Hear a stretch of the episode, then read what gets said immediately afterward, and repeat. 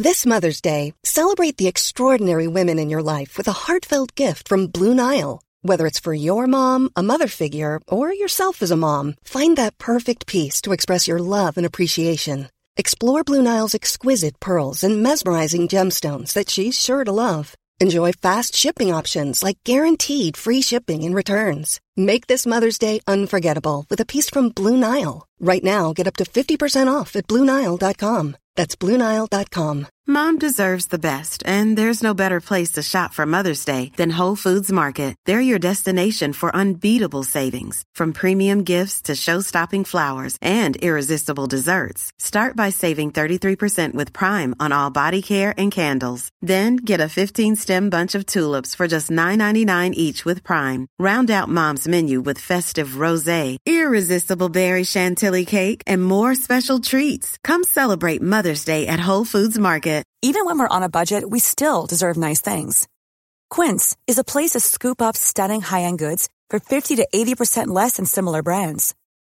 They have buttery soft cashmere sweaters starting at $50, luxurious Italian leather bags, and so much more. Plus, Quince only works with factories that use safe, ethical, and responsible manufacturing. Get the high-end goods you'll love without the high price tag with Quince.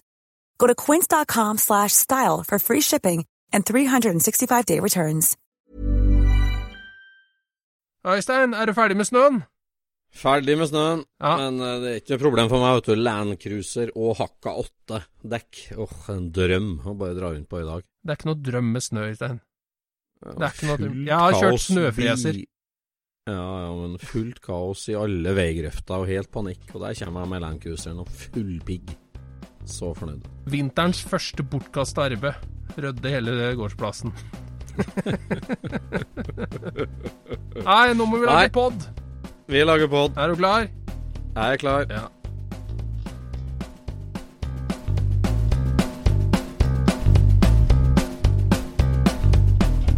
Du lytter nå til Scootspodden, en norsk podkast om klassisk bil med Jon Roar og Øystein.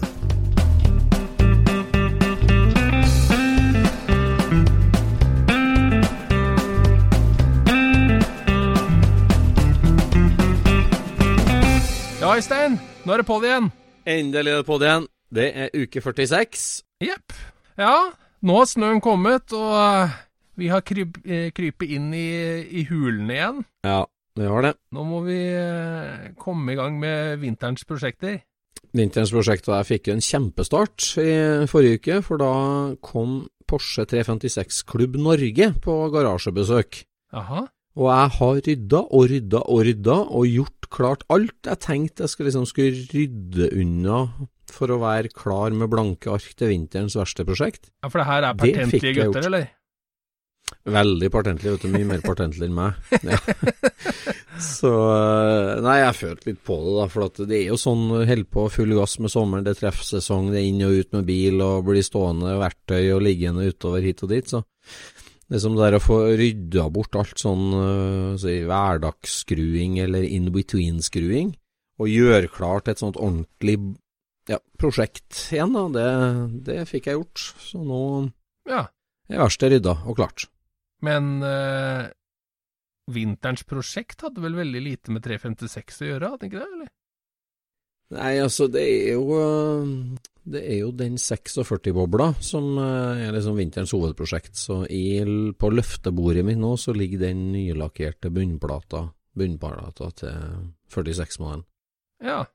Så det er Ja. veldig tidlig øh, et, et tidlig Porsche-prosjekt, men det vakte interesse, det altså. Absolutt. ja, men det er bra. Vi må være mm. såpass storsinna at vi kan se på Hva heter det? Det blir jo Opphavet, er det ikke det?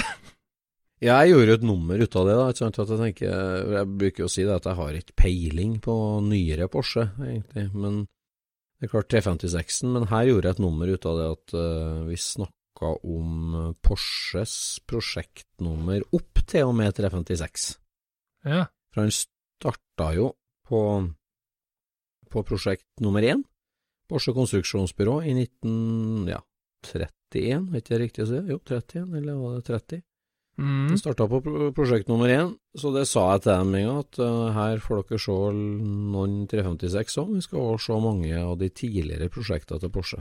Men var, var det her eh, konstruksjonsbyrå, var det noe han hadde ved sida av de andre jobbene han uh, Altså, han har jo jobba rundt uh, på mange bilfabrikker, men, men starta han dette ved sida, eller var han liksom innleid derfra?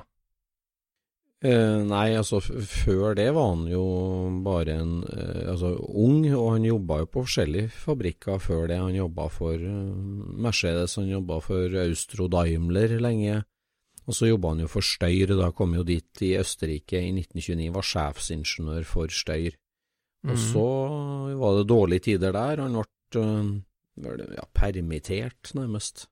Og ble så lei av å jobbe for folk at han i 31 flytta tilbake til Stuttgart og starta Porsche konstruksjonsbyrå. Så det var jo Og da snakker vi om Ferdinand Porsche. Ja ja, Ferdinand Porsche. Som patenterte eh, første Loner-Porschen av elbilen i 1898, vet ikke det? Ja. Så han har jo konstruert biler for, eh, for flere. Altså han konstruerte jo Mercedes og masse da, opp igjennom. Og da var han ansatt der og jobba der. Så starta han sitt eget firma der i 31. Ja. Så eh, da gjorde jeg et nummer ut av det da, på 356-klubbbesøket, at nå skal vi snakke om Porsches typenummer, eh, et utvalg fra lista Ja. før 356. Ja. Mm. Så da fikk jeg både rydda, og det var hyggelig. Vi hadde eh, pølser og, og bakst og kaffe og Ja, alt som hører til et termostreff. ja, ja så veldig bra. Nei, det var veldig hyggelig, det. Det var mange mye kjentfolk og mange interesserte som kom. Så da så Ja, jeg fikk jo en eh, rapport biler. fra en uh, veldig fornøyd eh, deltaker på vei hjem, uh, Ja. som hadde syntes det har vært helt fantastisk å se samling og oppleve gjestfriheten. Ja, så bra. Så bra. Det var jo kjempesuksess da, med han eldstemann. Han er jo flink eh, til å skru Til å jobbe på kjøkkenet. Han fikk til å skru òg, men han er var flink på kjøkkenet. Så jeg hadde liksom hyrt inn han til å skulle stå nede i verkstedet mitt. da. Der hadde jeg fyrt opp med varme. Det var jo kaldt vet du, i låven ellers. så jeg Nå snakker om- Nå snakker du om sønnen din, og ikke den eldste av 356-klubben, ikke sant? Jeg snakker om den eldste sønnen min. Ja, Ja, ja. Så eh, kjære Sivert, han var jo da innleid til å være med å koke pølser, og han er flink til det, han, og visste at han skulle ikke koke opp og skulle ikke sprekke, så han hadde jo stått i kjelleren der og pugga til KRLE-prøve på iPaden, og kokte kokt opp pølsekjele. Og regulert og ordna og grillkrydder og mengder og alt var riktig, og det var helt perfekt, og vi kom inn helt perfekt på timing. Og jeg har jo panikk, vet du, jeg har jo en sånn knallhard regel på at varm mat må være varm, og kald drikke og kald mat må være kald. Så jeg har sånn panikk for at varm mat ikke skal være varm nok. Så idet jeg kommer inn i verkstedet med hele reisefølget på 20 mann, da, så går jeg bort til pølsekjelen, som ser helt perfekt ut, men av default, og så vipper jeg den jo opp et hakk på termostaten på plata. Ikke sant? Stoler du ikke på sønnen? Han har stått der en halvtime og hatt helt perfekte pølser klare. På tre minutter greier jeg å sprekke alle 52 pølser. Bare sånn idioti, da. vet. Men eh, det ble jo Det ble pølsefest for det, da. Ja, ja, ja, ja. Og norsk brus, da, selvfølgelig. Farris eller Solo var valget. Hmm. Ja, ok. Ja. ja, men det høres jo bra ut, det. Hva, Ja, det hva Hvilke av disse pro, eh, konstruksjonsnumra vekte mest oppsikt, da? Hos denne gjengen her? Eh, nei, altså, jeg snakker meg jo fort varm om eh, den mest avanserte bilen Porsche noen gang har lagd. Eh, ja, i hvert fall før 1960, da. Det er prosjekt nummer 166. Ja. Mhm. Som jo ble lansert på tampen av 42. Nå nikker jo alle Anne eh, gjenkjennende. 166, Ja, ja. ja. Mm. Ja, ja, ja, ja, ja. Etterfølgeren til 128, ja, ja, stemmer det. Ja. Nei, Schwimmwagen, vet du, som, eh, som er jo så teknisk avansert at det er en fryd for en maskiningeniør å drive og gni på, så eh, den snakka vi en del om. Ellers så har jeg jo en Steyr, da, som eh, for så vidt er lagd etter Porsche slutta hos Steyr, da, men en nydelig 39 mile som må alltid vekke interesse hos folk. ja. Mm. Den, den er lekker, en sportskabriolet. Mm. Nei, så det var forrige uke. Da mest Ja. Eh, som sagt så fikk jeg òg rydda, så nå er jeg klar. Ja, veldig bra. Mm. Ja.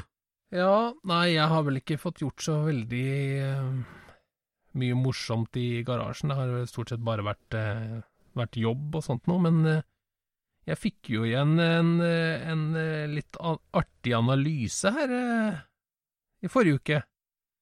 Eh, Ja, det var veldig artig når du sendte noen bilder der, sa jeg.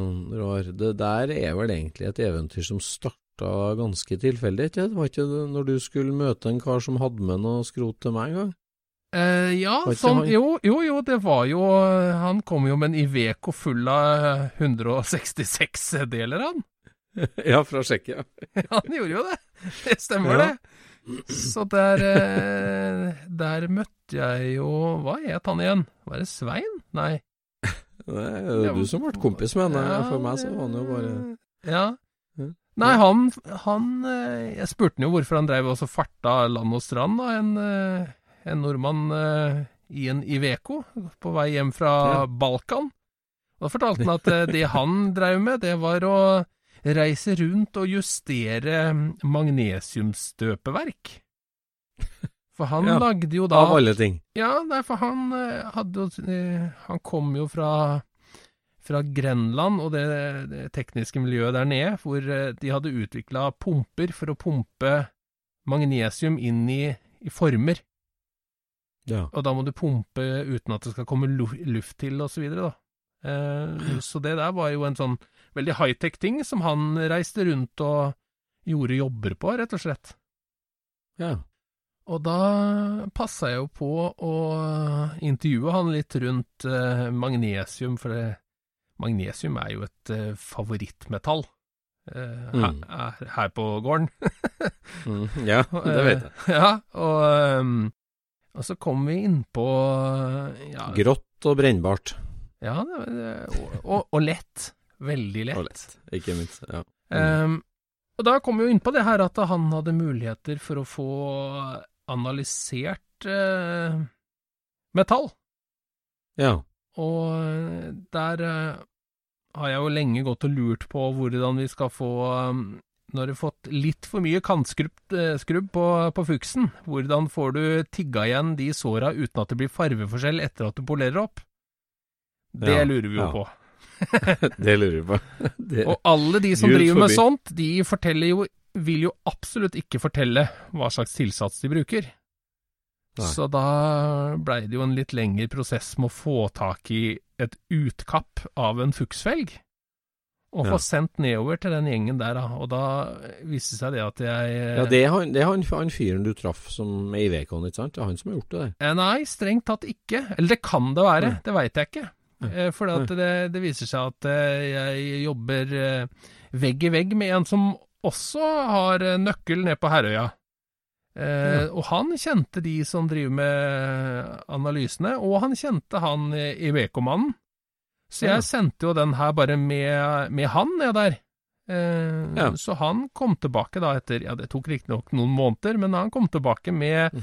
analyse av fuksen, så nå vet vi akkurat hvor mye magnesium det er i en sånn fuks. Og det er ikke mye. Er ikke det? Nei, det er ikke mye. Men eh, det er liksom Sånn, eh, sånn Men, sitter jeg eh, pris på. Sånn kunnskap, det er moro. Ja, for det skal ikke bare se ut som en fuksfelg. Du kunne ikke nøyd deg med en blankpolert repro. Uh, ja Nei, jeg kunne ikke det Nei. egentlig, altså.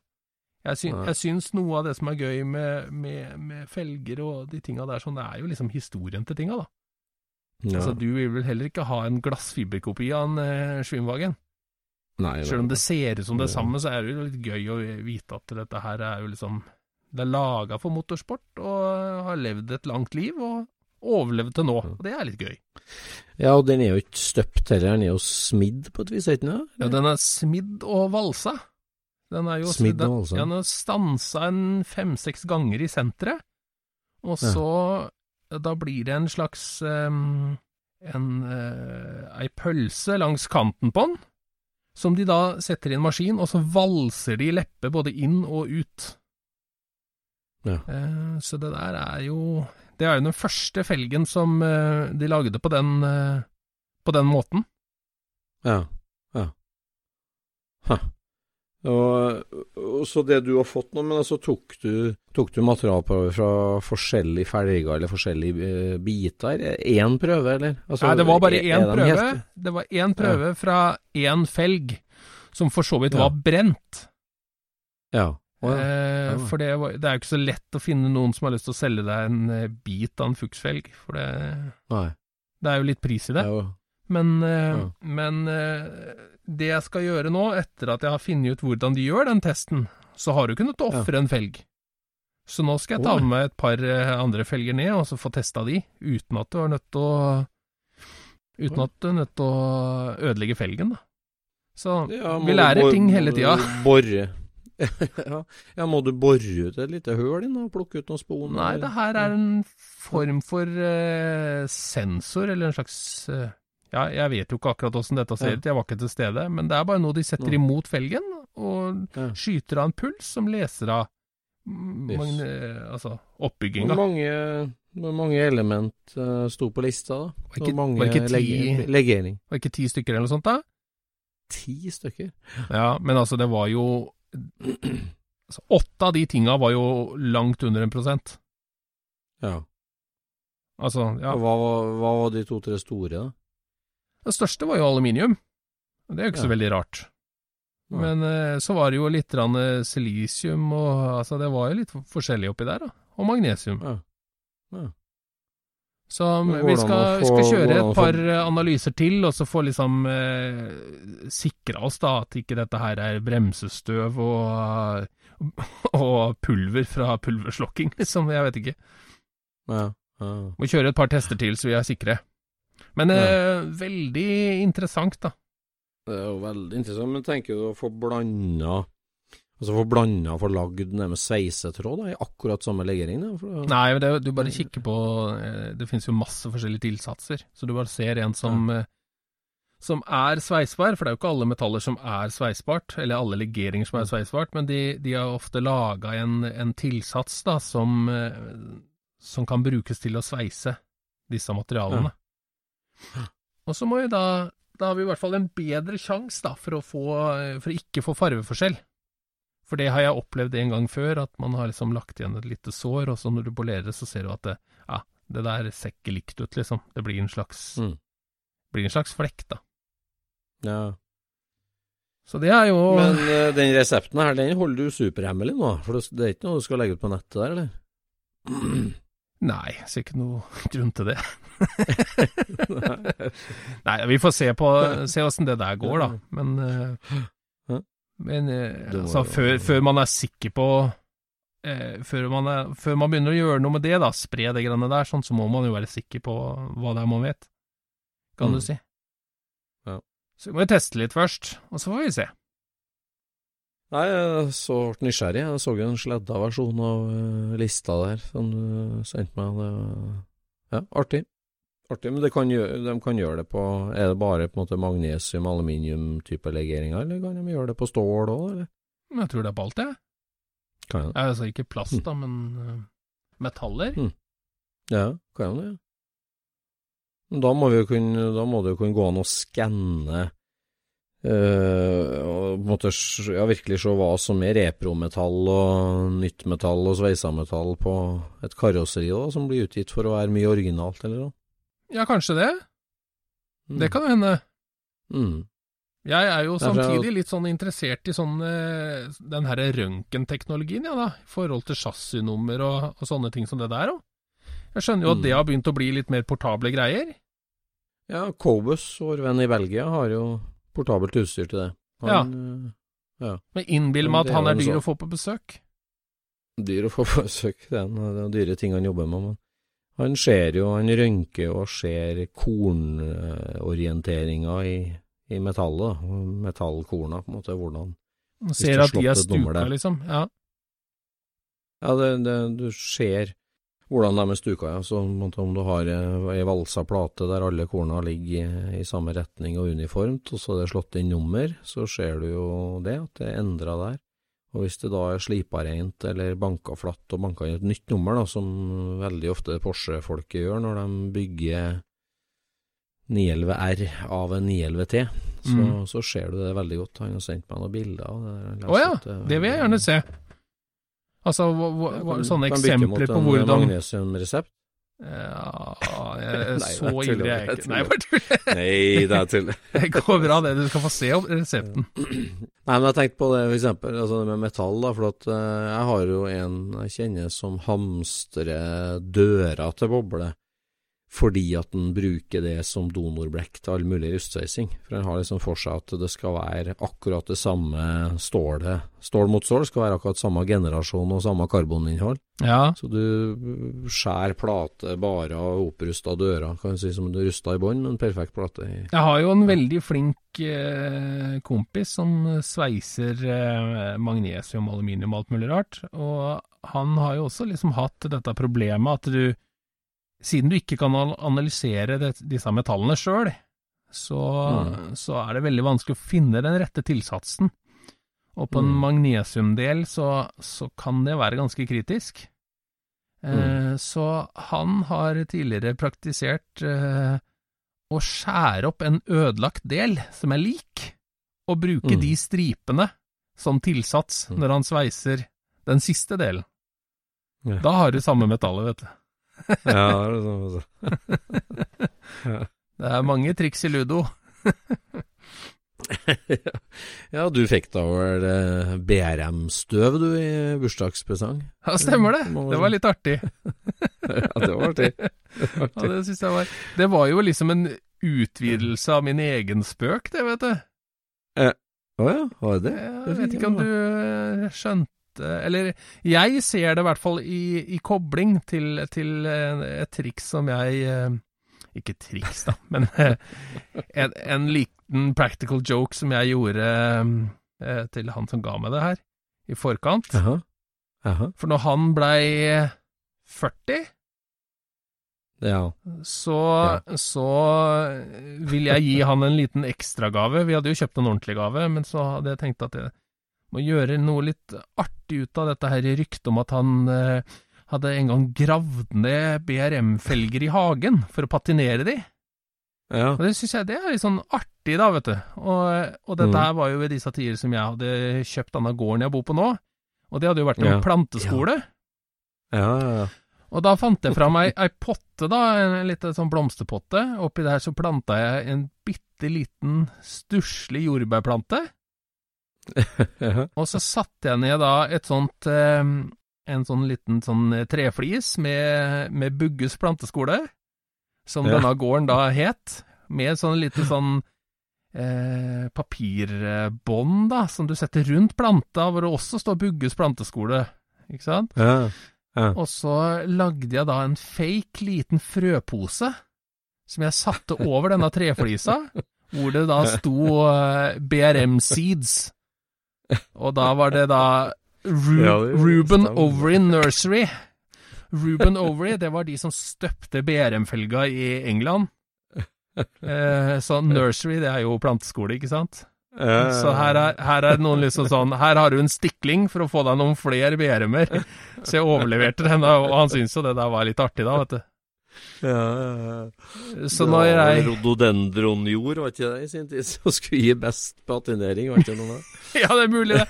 Jeg kan ikke, jeg kan ikke den historien, men jeg syns det, det er jo en favoritthistorie. Ja, ja, Det ja. er, ja. Det er mye, Det er mye bra der, altså. Så når, når jeg, eh, når jeg ble 40, da, så fikk jeg jo da et lite sånt eh, medisinglass med, med BRM-dreiespon. Ja.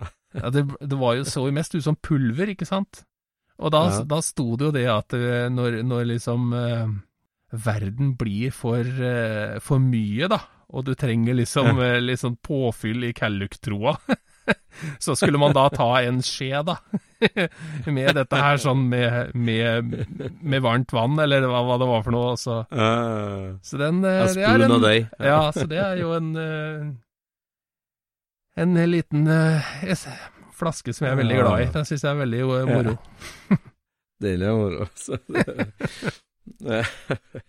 Ja, for det skal jo sies, jeg tenker den storyen starter jo med det at vår venn finner fire BRM, originale BRM-hjul i Norge. Han finner to. For lenge eller Jeg finner to. Det er det som er greia. Han fant to, Det det og de var ordentlig slitt.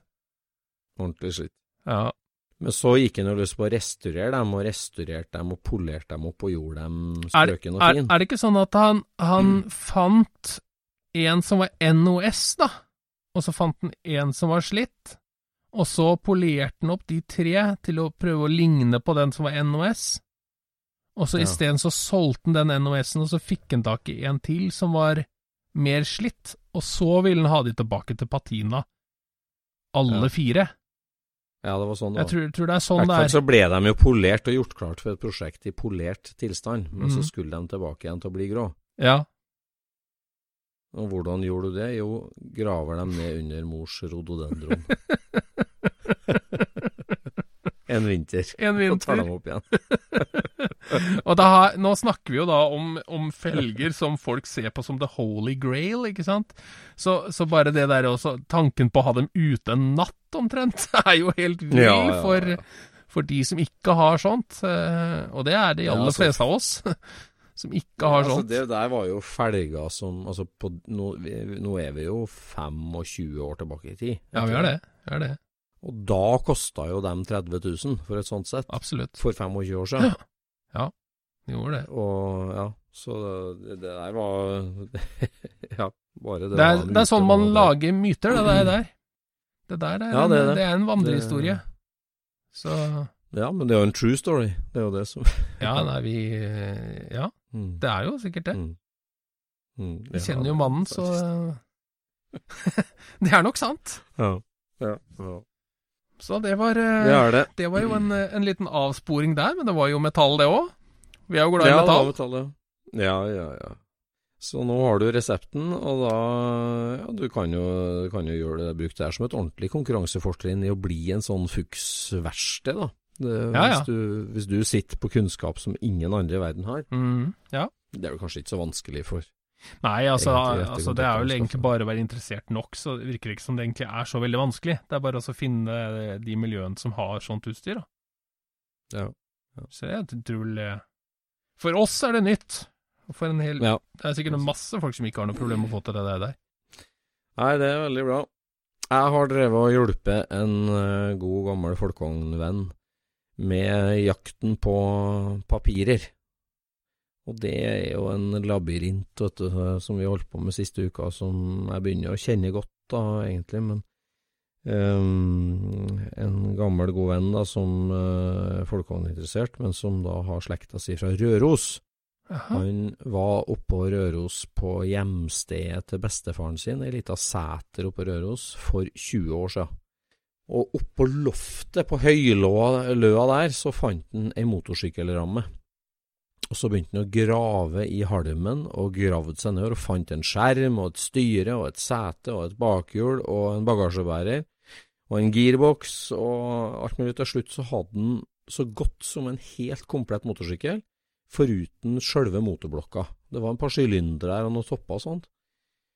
Og han eh, var jo interessert og syntes det var artig og sånn, men eh, altså, og så begynte han nøste å prøve å finne ut hva det var for noe. Så viste det seg at det var altså en 1918-modell Excelsior Oi.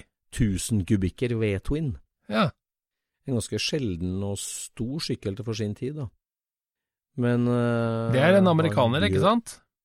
Ja, amerikaner. Mm. Så han eh, Bjørn Rune, da, som uh, Ja, apropos BRM, han kaller seg Bjørn Rune Meli, BRM. Han du, dro jo med seg den uh, sykkelgreia og solgte det der til sin gode venn Roar nede i Skiptvet, som vi må komme tilbake til en gang.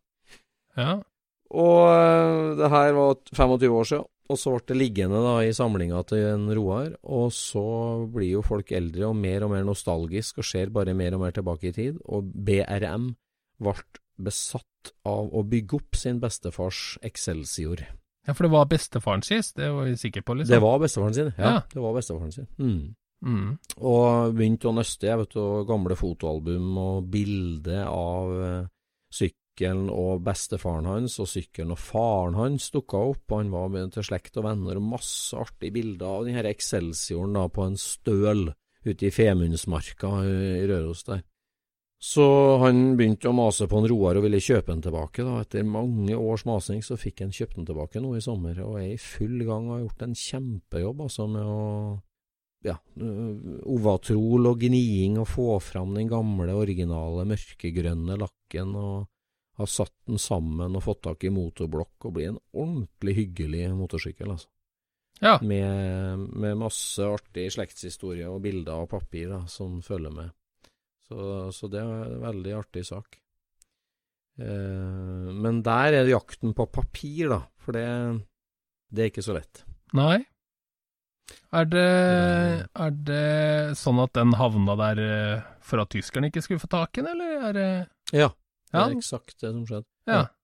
Han, øh, han bestefaren kjøpte den rundt øh, 1930 omtrent, ja, og brukte den fram Han hadde den registrert i 1940, siste året. Mm. Eh, og så plukka han den i stykker og gjemte den på høyloftet. Og der lå han, og så tok han ut skiltene på den igjen i 47, når, eh, så han hadde den registrert også i 47, men da lå han jo bare i biter. Og så lå han der da eh, helt fram til Han, var, han ga vel opp Altså, det var en gammel sykkel, veldig, veldig gammel sykkel i 47, Ja. så han satte den aldri sammen igjen. Nei. Så Men eh, du vet, det er, det er jo sånn at han de, de finner ingenting da på motorvognregisteret, på rammenummeret på den. Men det er jo det at uh, motorsykler ble jo alltid egentlig på den tida registrert på motornummeret. Mm. Så, så uten hele motornummeret da, så var det vanskelig å finne de papirene. Og så er det jo det med Når du har reg-nummeret på de gamle bildene, så er det jo der hvor er registreringskorta hen? Er de på Røros trafikkstasjon? er de sendt til Trondheim trafikkstasjon? Er de sendt til motorvognregisteret på, på, på Steinkjer? Eller er de sendt til Riksarkivet eller Statsarkivet?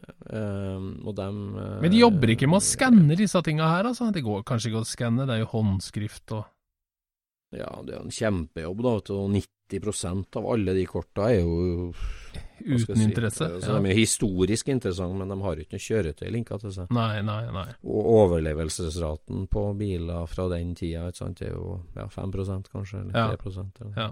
Så, så det, det vil være litt fåfengt å skanne det, men, men det er alle de der papirarkivene, de er jo flytta rundt, og så er de kasta på én trafikkstasjon, og så har det vært flom på én trafikkstasjon, og det er jo et uh, gjetningsverk det er der å finne fram. Ja. Men heldigvis da, så har vi de der eh, bøkene 'Hvem eier bilen' og 'Bilkalenderen', som ble gitt ut faktisk første gang i Norge i 1912, hvis jeg ikke husker helt feil. Mm. Og nesten hvert år fram til krigen, og så ble det gitt ut da um, en tre-fire runder etter krigen. Som rett og slett er en eh, telefonkatalog med alle regnummer i et fylke, og tilhørende eier og navn, og kjøretøytype og kjøretøymerke. ja. Og de der bøkene der er jo gull verdt, altså, for oss eh, bilnerder. Så jeg har etter hvert et lite nettverk på hvem som sitter med, for det er jo privatfolk som sitter. Staten har ikke noe komplett arkiv av de bøkene i hele tatt. Nei, ikke sant? Nei, så når man jakter på, på papir, da, sant, og de arkivene til trafikkstasjonene er tapt, så mm. er det jo det her i bøkene 'Hvem eier bilen?', bilkalenderen, Ja. som ble gitt ut eh, med jevne mellomrom nesten hvert år, fra 1912 fram til krigen, Ja. og noen bind etter krigen, da, som er rett og slett en telefonkatalog med regnummer. Uh, og registreringsdistrikt, fylke, regnummer, eier, kjøretøytype, kjøretøymerke. ja. Så det er jo gull verdt, vet du. Eh, Der kan og du, det- si, der kan du si at der er vi inne på noe, i- i- når du nevnte dette her med resepten på Fuchs. Mm. Å skanne disse bøkene og legge de ut i ett register. Der har Ja. vi noe av verdi. ja, ja, det er noe Det, verdi. Ja, det er gull verdt, det altså. er for veldig solidarisk å dele noe sånt. Ja, ja, det er sant. det. sant. Jeg, har, jeg har ikke så mange bøker sjøl, altså, men jeg kjenner folk som har, så til sammen så er det, er det ganske Er det komplett, ja, eller? Så går det an å få tilgang. Ja, det, det er vel ingen som har helt oversikt over hvor mange som egentlig var gitt ut, da. Og det, det var jo ikke noe veldig sånn Altså, hvem prioriterte å bruke penger på å kjøpe seg en sånn bok, egentlig? Det var jo det var ikke så mye privatfolk som egentlig gjorde det. Det kunne jo være bibliotek, selvfølgelig, og sånt, da, som Ja. som hadde dem. Men eh, det er jo veldig verdifullt, altså, for at når du da hvis du da har et gammelt bilde som viser det kjøretøyet, og du har den boka som viser at reg-nummeret og sånn som det navnet der, så selv om da det, den informasjonen er tapt i offentlig register, Mm. så har du der et bevis for eierskapet da, til den. Mm. Så det der jeg drevet og forska mye på i siste, så det, det er utrolig artig, syns jeg. Det er veldig interessant å grave i det. der. Ja, fant dere, fant dere ut noe, da, eller? Ja, ja, vi har funnet sykkelen med flere eiere eh, på Røros, da naboene nærmest. Det ser ut som den har gått litt på rundgang i nabolaget der. Ja. Eh, på det reg-nummeret, da. Uh, så vi har funnet det i flere bøker, og har Ja. det klart. Men uh, vi mangler fortsatt det gamle reg-kortet, da. Det, vi har mer enn nok for å få registrert den, det er ikke noe problem i det hele tatt. Okay. Men eh, det har, vært, sånn, det har vært interessant å funne det originale reg-kortet, så nå driver vi og jakter på arkivet fra Røros trafikkstasjon. ja. Så nå er jeg på sporet av det. Jeg har en eh, litt lignende historie, eh, Ja. på, på sett og vis. Eh, for det var en, eh, en gammel onkel av, av faren min eh, som bodde i, i Oslo. Og han var enkemann og, og døde vel på slutten av 90-tallet, tenker jeg. Og da var vi der inne for å rydde opp, tømme denne tomannsboligen, da, ikke sant. Og han var en ordentlig Han var på en måte en mekker, da. Så han hadde en garasje med masse gammelt eh, verktøy i og, og litt sånn forskjellig. Og mens vi drev og tømte denne garasjen, da, så, så oppdaga vi at eh, benken innerst i garasjen, det viser seg å være ei kasse. Og i den, den kassa sto det da Gressvik på. Eh, og når vi åpna Den var jo svintung, altså. Så når vi Ja. åpna den Ja, men det var masse greier oppå, da. Så Ja, det så den- ut som en det- verkstedbenk. Det så egentlig ut som Ja, det så ut som en verkstedbenk, på en måte. Ja. Ja. Så det hang noe foran på den også, så det var ikke så lett å oppdage at det var ei kasse. Men eh, Mm. når vi fikk fram den, og tok av sida på denne kassa der, inni der sto det da Mm. en kliss ny Crescent moped. Gjør det? Ja. Yes. Og, og hø- Kliss ny. Ja, den hadde, den hadde gått, skal vi se, den hadde gått noe sånt som tolv mil, mener jeg han hadde gått. Ja. Og så var det jo eh, Når den her ble oppdaga, da, så visste jo faren min historien til denne mopeden, da. Men han visste ikke at han hadde mopeden fortsatt. Oh. For, for inne på peisehylla hans, da, så lå liksom ja. bevismaterialet eh, A. Og det var lærkledde Harley Davidson kjørebriller. Med sånn eh, med vinkla glass, ikke sant, på siden og sånn, så du hadde mer sidesyn, da. Så fortalte Ja. faren min det at eh, Erling, som han het, han eh, Ja. hadde Harley Davidson før krigen. Oi. Eh, For han var fra Modum, og han kjørte Harley Davidson eh, rundt i Modum og, og inn til, til Oslo, da, og begynte å kjøre lastebil i Oslo. Og når, eh, når krigen kom, så kom jo tyskerne og tok Harley Davidson hans. Ja. Eh, så da, da blei han uten, da, vet du. Men eh, Ja. så fant han jo da det som var tanta mi, eh, og, og liksom når, når krigen var ferdig og han hadde fått spart opp litt penger igjen, så var det jo ned på. Gressvik for å kjøpe seg ny sykkel, ikke sant? Og det, da, var det, da blei det jo denne kresenten da. Så han tok med seg eh, tante Liv og kjørte da moped fra Oslo til Modum. og tilbake igjen, og var såpass skuffa at han snekra den rett inn i kassa igjen. Nei. Og satt den innerst i garasjen.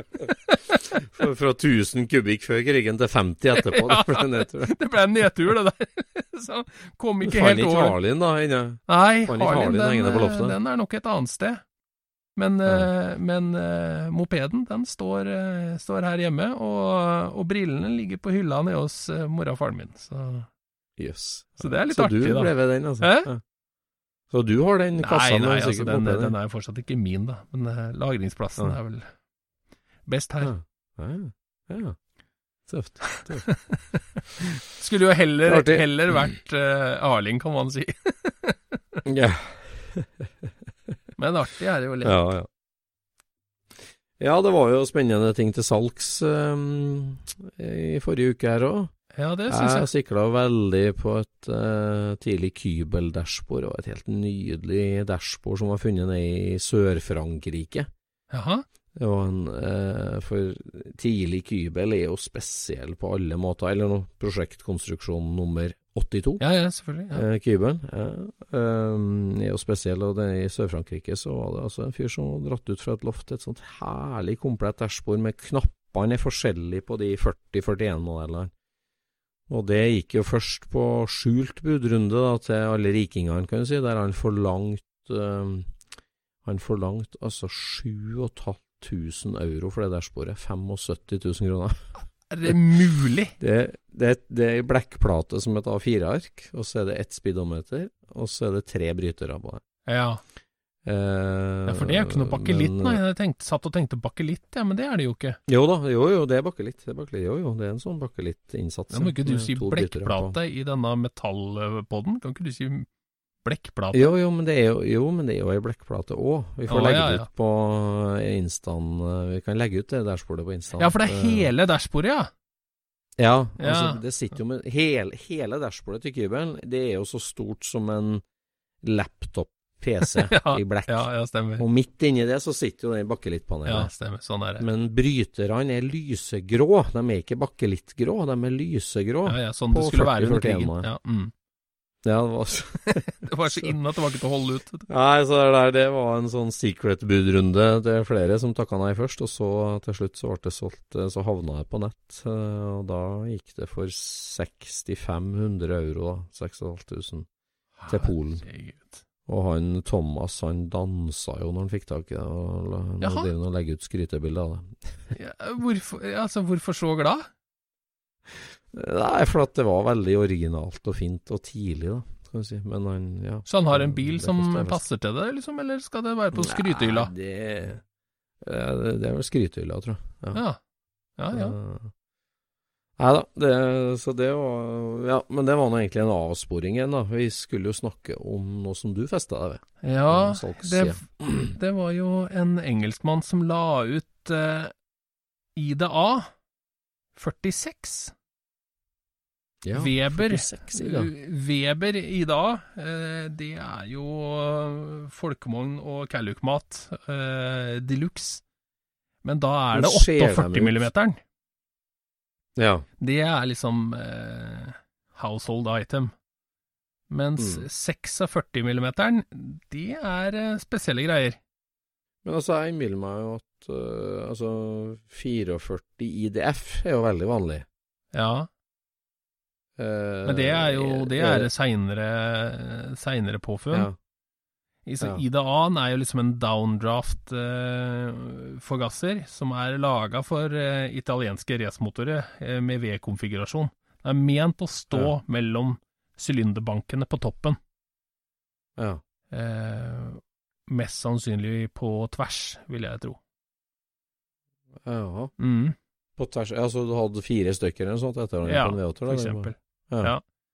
Men ser de ut som 48 ideene? Ja, ja de, de er eh, helt like.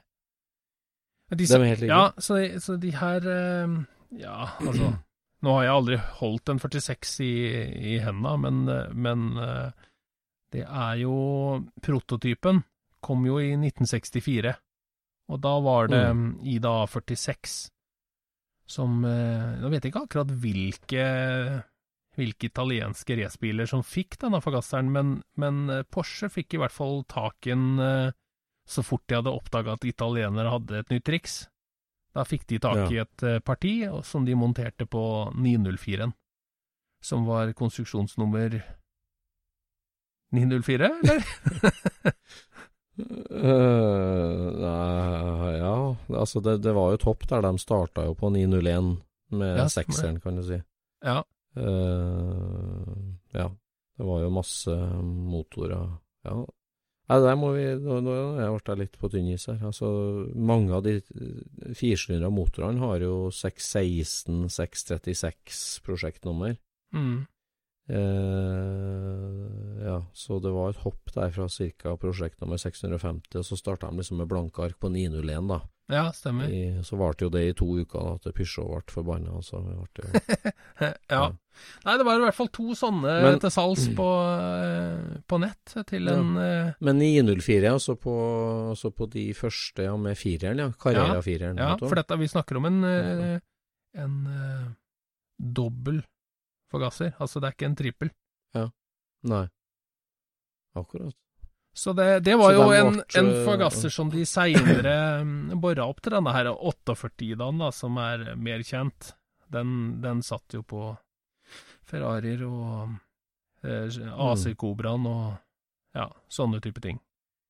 Når kom eh, 48 i den, da? Eh, kjempebra senere. spørsmål, men jeg, jeg tror det er eh, to år etter, eller noe sånt nå. Ja, ja. Så Men dere 46-dagene, da, hvor eh, Var det en nordmann som skulle selge? Nei, det var en engelskmann som skulle selge dem. Ja. Og jeg mener jo at de bør være en, en, eh, en helt riktig byggestein i en uh, historisk eh, rally-folkevogn.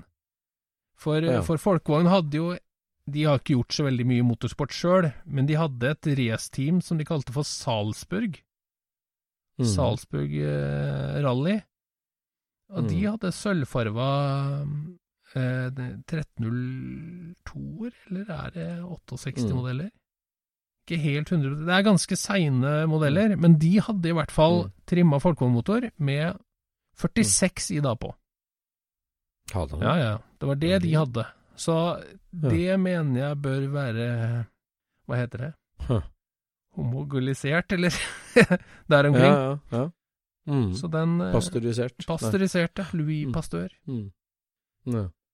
Akkurat. så det der må jo være Men han eh, Det må jo bli slutt på å hogge 904 og sånt, og selge deler Nei, jeg Ja, ja mest sannsynlig det han Mm. gjorde, vet du. Ja. Ja, Nei, altså, han, han hadde Visste han hva han hadde, da, liksom? ja, ja, han hadde eid de siden eh, 85, han. Han hadde eh, tre stykker. Så har jeg hørt eh, via eh, omveier her nå. Mm. Så um, de ble jo solgt til slutt, da. Var, jeg syns ikke de var dyre heller, men eh, man skal jo ha penger og Ja. anledning. Skal ha tørt krutt Ja. når det skal smelle. Mhm. Nei, det er herlig. Det er alltid noe å kjøpe. Ehm, vi eh, har kost oss denne uka her. Neste uke så skal vi på førpremiere Ja, på kino. det er ganske apropos. Uh, ja. GT40 48 da. Nei. Jo, jo, jo, jo. Jeg tenkte, jeg, ja, ja. jeg tenkte ikke sånn i hele tatt. Nei, det skjønner jeg. Jeg skjønner det. Ja, det er apropos. Nei, eh, det gleder jeg meg til. Det blir artig, det. Ford versus Ferrari. Ja, det får vi eh, prate om i poden. Jeg ser jo at de har vært på førpremiere nå i USA og i England blant annet. Det er jo øredøvende skryt av den filmen. Ja, er det det, ja? Ja, Så tøft, da. Så det, Jeg, jeg så en sånn liten sånn trailer, eller sånn behind the scenes-sak eh, i dag, hvor, hvor det var noen kjørescener, og det ser jo helt rått ut, da. Sjøl om man skal jo absolutt ikke se sånt, men, eh, men det var noe eh, Altså, det er ikke datagrafikk, alt det der. Det var litt tøft. Nei, jeg gleder meg til den, for det er jo som vi har snakka om, at den originale Le Mans-filmen eh, som vi har sett mange ganger, sånn, den, den er jo dritkul, men eh, den går jo for sakte. Ja, det er noe med For at eh, oss, film, eh, filmkunsten har gått litt framover, på et vis. Ja, jeg har det. Eller så er det vel bare vi som er omstilt, at vi har for dårlig tid. Vi har ikke tid til å se disse 60-tallsfilmene Nei, det er litt sånn. Det må, nei, nei. Men nei, det gleder jeg meg til. Så det blir en hyggelig bilgreie på førvinteren her. Ja, det gjør det. Så det kommer i neste pod. Det gjør det. Ja, Og så snakkes vi til uka. Det gjør vi. Ha det bra. Ha det bra. Ja, det nærmer seg snow and tell, Jon Roar. Ja, det gjør det. Nå er, Nå- det, nå er det ordentlig i gang, og det begynner å fylles opp på hotellet, og, og folk eh, ringer inn med positive eh, innstillinger til eh, å stille opp og prate. Sistemann jeg prata om nå, det var eh, Bjørn Rognlien. Bjørn Rognlien. Han kjørte dragracing, vet du. på et ordentlig nivå. Ja. Og eh, altså en av de førstemann i Norge med seriøs bobledragracing. Ah, ja, det er jeg ikke helt 100% sikker på, men eh, om han var førstemann For at eh, vi hadde jo eh, Vi hadde jo han eh, i eh, Tønsberg. Ja, Eh, Øystein. Øystein Lindahl, ja. Ja. Han, han kjørte jo tidligere enn eh, Rognlien, men Rognlien bygde jo en sånn Pro Sedan, vet du. Det var jo rødrammesjassibil, det. Ja. Så når jeg prata med han i går, da, vet du, så måtte jeg jo liksom hvordan, eh, hvordan gjorde det her? Liksom, hvordan kom du fra Altså, opp i Gauldal, hvordan kom du på at uh, Gausdal. Gausdal det, vet du. Hvordan Ja. kom du på at du skulle bygge en Pro Sedan og kjøre, kjøre folkevogn dragracing, liksom? Ja. Nei, han, og, han hadde hatt en 2,3 liter i en eh, 1302. Og så hadde han vært på Gardermoen og kjørt litt, og så hadde han bare funnet ut at eh, nei, det her må vi gjøre ordentlig. Så hadde han kjøpt Hot VVS, og så der var det bilde av et chassis. så da var det bare å bestille rør og begynne. Nei, ja. Nei, det er helt konge, for nå har vi jo Nå har vi jo Tor Øyvind Skinne fra før, og så har vi Rognlien, da, da har vi jo to Ja. virkelig ytterpunkt i folkevogna. Så da har vi starten, spede begynnelser i Norge med serious racing, Ja, og så har vi The World Famous Skinner Beetle, ja, ja. ja. eh, som er da, dagens villeste Og så har vi Fralland, ikke sant. Det er også tidlig folkevogntrimming, ikke sant. Det her, det her er bra, altså. Det, Det blir bra. veldig bra. Så første helga i mars, på Pellestova hotell øverst på Afjell. Ja, Er du interessert i, luft, er interessert i luftavkjørt uh, tyskerbil, så må du være der, rett og slett. Ja, det burde du, altså. Så det der blir moro. Vi ses. Det gjør vi. Scootspodden produseres av SSC Media, med god hjelp av VV Norge og Trond Dahl for hosting, Knut Micaelsen for musikk. Abonner på Scootspod via podcaster eller Acast, og følg Scootspod på Instagram og se det vi snakker om. Der kan du også komme med kommentarer og innspill, og fortelle oss hva du vil høre om.